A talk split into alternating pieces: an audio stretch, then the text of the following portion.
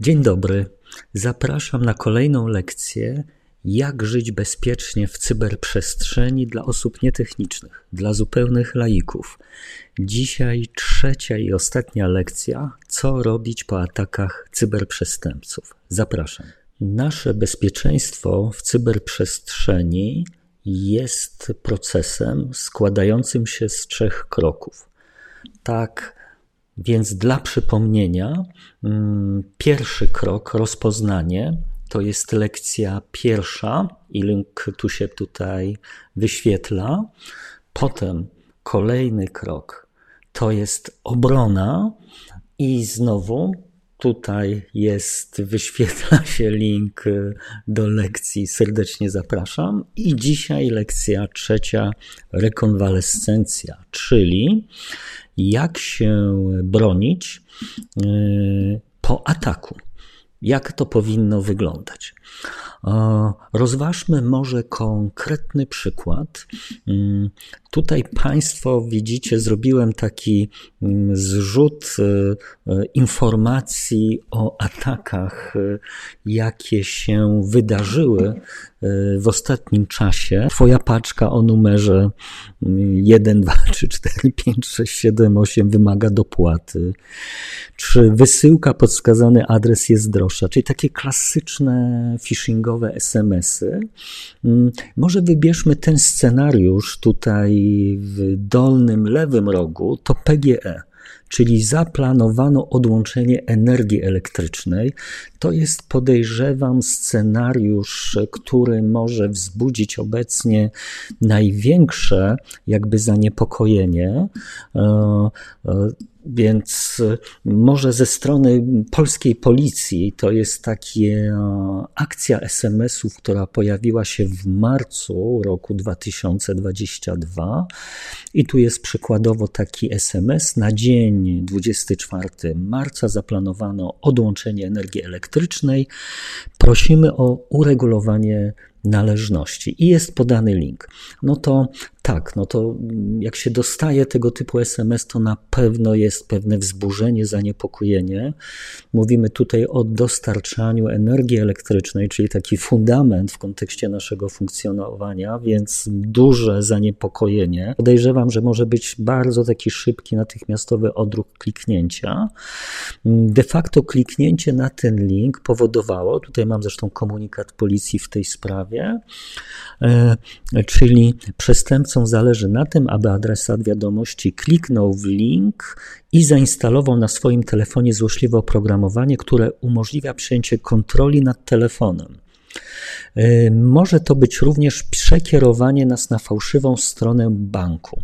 Każdym razie, no jak taki scenariusz wygląda, e, no to to jest tak, że po takim kliknięciu możemy na przykład otrzymać no, tego typu listę, mm, no bym powiedział, banków funkcjonujących w Polsce e, i mielibyśmy tutaj wybrać nasz bank, żeby zapłacić za ten niezapłacony rachunek. Mm, czyli to już jest strona przygotowana przez e, cyberprzestępcę, no i tam wybranie jakiegoś banku, no wybierzmy na przykład PKO, PKO BP, może nas przekierować na stronę logowania, no, która wygląda, no tak jak Państwo widzicie, mm, w zasadzie niemalże no, idealna, idealna kopia. No i zaczyna się cały proces, kiedy my tutaj prowadzeni przez tego cyberprzestępcę wpisujemy swój jakiś numer klienta, login, e, prawda? To może pójść dalej, hasło, które jest przejmowane przez cyberprzestępców. Czyli proszę zwrócić uwagę w tle, mamy cyberprzestępcę, który w momencie, kiedy my tutaj przestraszeni zaczynamy na te pseudostrony banków wprowadzać jakieś dane, e, e, cyberprzestępca równolegle wykorzystuje te przez nas podane informacje do tego, żeby faktycznie zalogować się na nasze konto. No to tak to mniej więcej wygląda. Tak na marginesie nawet ten proces można zautomatyzować tam po stronie przestępcy, Ale jakby chcę Państwu pokazać, no, jak to wygląda w praktyce. Czyli mamy tu do czynienia już z czymś e, niezwykle poważnym, bo to jest dotknięcie do naszych finansów, e, naszego konta bankowego, czyli niezwykle wrażliwa, sensytywna sprawa. I co robić w takiej sytuacji? Fundamenty działania są takie, że jeśli Państwo faktycznie macie taką sytuację, że tutaj doszło do tego, że w sposób niefrasobliwy doszło do tego logowania i, i, orientujemy się, że coś takiego wystąpiło, od razu telefon do banku, tak, na infolinię i zablokować, po prostu zablokować to konto, powiadomić bank o tym zdarzeniu i zastosować się do instrukcji podanych przez bank. Czyli proszę zwrócić uwagę, my jesteśmy poszkodowani stroną aktywną, żeby dokonać tej no, od razu akcji, tak? To, to jest niezwykle istotne. Nie czekać, od razu telefon na infolinię do banku, powiadomić o tym, co się wydarzyło i dostosować się do instrukcji. Jeśli mamy próbę oszustwa, tak, a to jest próba oszustwa, to tak, proszę, nie odpuszczajmy tym cyberprzestępcom zgłosić to najbliższej jednostce policji. Bezwzględnie coś takiego zrobić.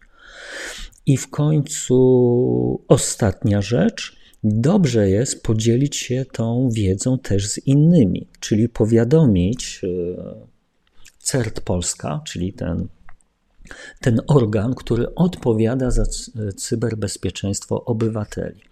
To jest niezwykle istotny element, bo w momencie, kiedy my informujemy bank, czy informujemy policję, oczywiście proszę to robić, to to jakby zostaje, no bym powiedział, to jest tylko jakby nasza sprawa jednostkowa, która tam potem jest w odpowiedni sposób procedowana.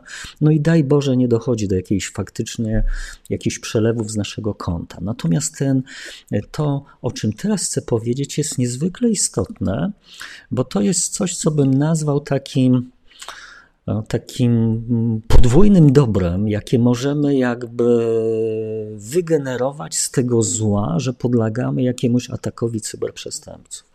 Czyli no tak, zakładam, że po pierwsze uczymy się na tym błędzie, tak? Zastanawiamy się, dlaczego żeśmy w ogóle kliknęli i dali się no, w taki, mm, no bym powiedział, dość banalny spo, sposób e, oszukać, tak? Czyli wyciągajmy z tego wnioski i nie popełniajmy tych błędów ponownie, nie? Czyli taki elementarz. Ale druga rzecz, to, to, to, to drugie dobro to jest takie, mm, powiadom, dajmy znać innym o tym, że tego typu ataki się, taki, tego typu atak nam się przytrafił to proszę zwrócić uwagę, Państwo tu teraz, no nie wiem, informujecie najbliższą rodzinę, nie wiem, rodziców, dzieci, współmałżonków, tak, czyli to to najbliższe swoje otoczenie, ale też możecie wykorzystać media społecznościowe, żeby jakąś grupę znajomych poinformować i to zupełnie inaczej działa taki komunikat, jak on nie jest na zasadzie komuś się przytrafiło, tylko nie, to się przytrafiło konkretnej osobie i, w końcu my możemy też powiadomić innych współobywateli, obywateli. Tak? No twórzmy to społeczeństwo obywatelskie, e, pomagajmy sobie nawzajem i tu się pojawia CERT Polska. Bo w momencie, kiedy my im damy znać o takim incydencie, to proszę zwrócić uwagę, dzieją się dwie rzeczy. Po pierwsze, oni na podstawie tych zgłoszeń mogą tego typu zjawisko zbadać, że się pojawiła jakaś nowa akcja phishingowa, że jest jakiś nowy wektor ataków cyberprzestępców. Czy jak oni zbierają tego typu zgłoszenia, to to się dla nich jest podstawa do tego, żeby się tym zająć. Tak, i oni potem często z organami ścigania podejmują odpowiednie działania, żeby e, zablokować na przykład tego typu akcje. Czyli dajemy im materiał do pracy. Super ważna rzecz. Ale druga sprawa, przecież taki CIRT Polska potem poprzez swoje media społecznościowe może poinformować innych o tym, że coś takiego się dzieje. Tak? To mówiłem w tej mojej pierwszej lekcji, rozpoznanie, prawda, żeby śledzić te, te, te strony te ich konta w mediach społecznościowych. I to jest dokładnie ten moment, czyli my możemy w ten sposób powiadomić też nam zupełnie obce e, osoby. Proszę pamiętać, po drugiej stronie to są wredni bandyci. Nie ułatwiajmy im życia. Róbmy wszystko, co jest możliwe po naszej stronie, żeby zastopować tą przestępczą aktywność. Mm, czyli tak, no teraz pora na to, żebym Państwu pokazał, jak na stronie e, CERTU Polska zrobić takie zgłoszenie. Jak zgłosić incydent?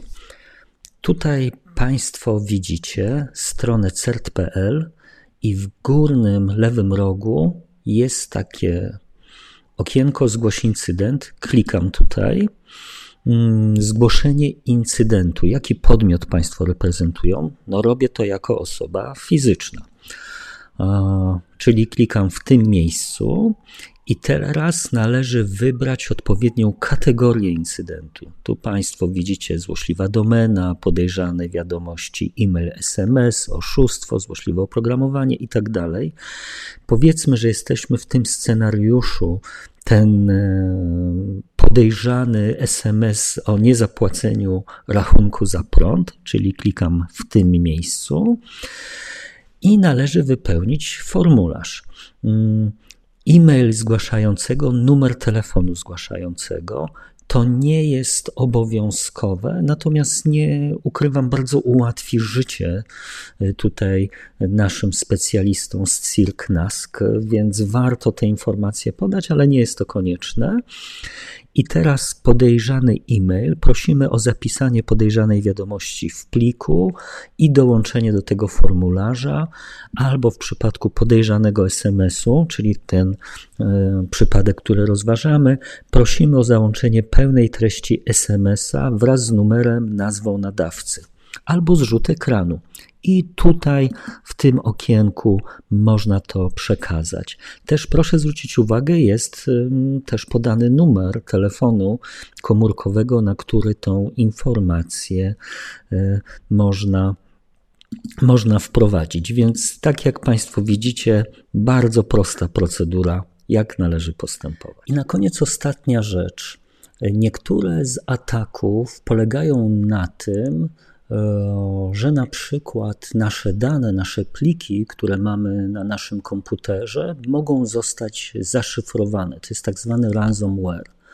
Czyli chciałbym teraz e, pokazać, e, jak funkcjonować, żeby zabezpieczać te nasze najbardziej wrażliwe dane i w przypadku E, na przykład ataku typu ransomware, być w stanie wrócić do życia i nie dać się cyberprzestępcom e, i nie płacić im żadnych okupów i nie dać się im zaszantażować.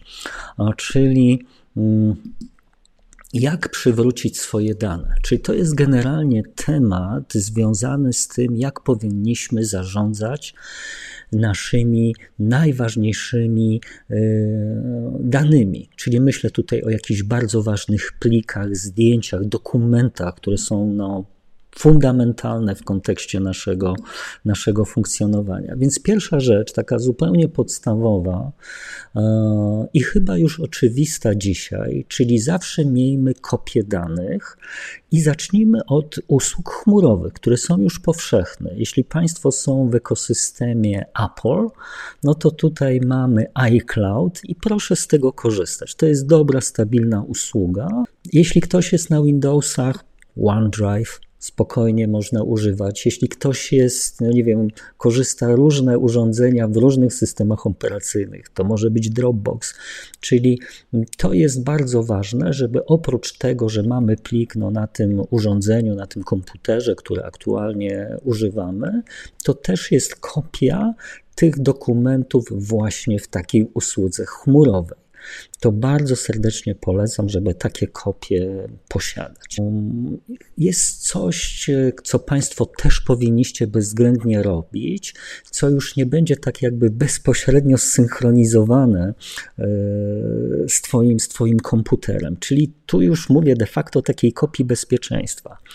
Czyli mm, to jest taka kopia, która faktycznie jest odporna na ransomware, no bo po prostu te dane są zapisane na jakimś osobnym osobnym dysku wcześniej i ten dysk nie jest podłączony do naszego komputera, do naszego urządzenia. Czyli bardzo Państwu polecam, żeby mieć taki dysk zewnętrzny. Ja może pokażę, co ja używam. Mm, to jest na przykład taki, o tak to wygląda, taki dysk zewnętrzny, tu się podłącza do portu USB, na przykład WD Passport. Y, y, w moim przypadku to w zupełności 1 tera E, pojemności mi wystarcza, żeby taką kopię bezpieczeństwa zrobić e, mm, wszelkich takich najważniejszych plików, jakie posiadam. E, takie kopie bezpieczeństwa sugeruję, sugeruję robić minimum 4 razy w roku, właśnie na takim zewnętrznym dysku. W opisie do filmu dałem Państwu link właśnie na ten WD Passport dysk 1 tera. Uważam, to jest bardzo, bardzo przyzwoity taki dysk, żeby właśnie taką sobie kopię bezpieczeństwa zrobić na tej najbardziej wrażliwe dane. I tu czasami nawet jest sugestia, żeby taki dysk przechowywać jakby w innej lokalizacji, jak ten komputer, który Państwo używacie. Czyli yy, zabezpieczamy się też na takie sytuacje w stylu, nie wiem, kradzież, zalanie mieszkania czy pożar tak? No bo ten dysk z tymi danymi mamy w innej lokalizacji. Więc bardzo, bardzo Państwu polecam sprawić sobie taki dysk i po prostu przekopiować te najważniejsze pliki. Czy tu jest proste kopiowanie? Tu nie ma żadnego jakby tam nadzwyczajnej jakiejś aktywności. Czyli taka no, rzeczywista kopia bezpieczeństwa na osobnym dysku. To nie są duże pieniądze, żeby coś takiego zrobić i koniecznie proszę to zrobić. To jest, to czasami się mówi, że z kopiami bezpieczeństwa to jest tak, że ludzi dzielimy na dwa rodzaje. Tacy, którzy to robią i tacy, którzy bardzo szybko zorientują się, że należy to, to robić.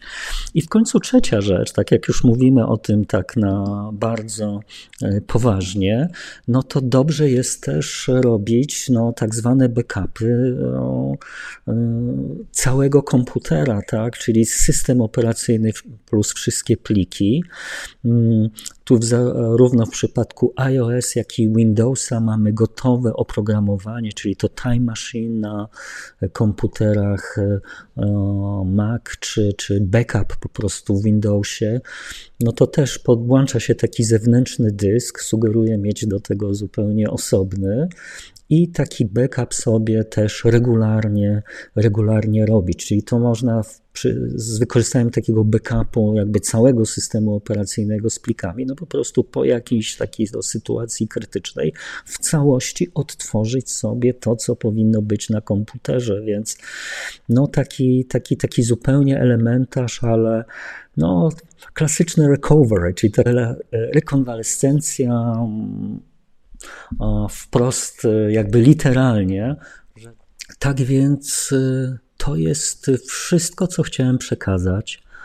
Cały system naszego bezpieczeństwa w cyberprzestrzeni jest procesem, na który składa się rozpoznanie, obrona i rekonwalescencja.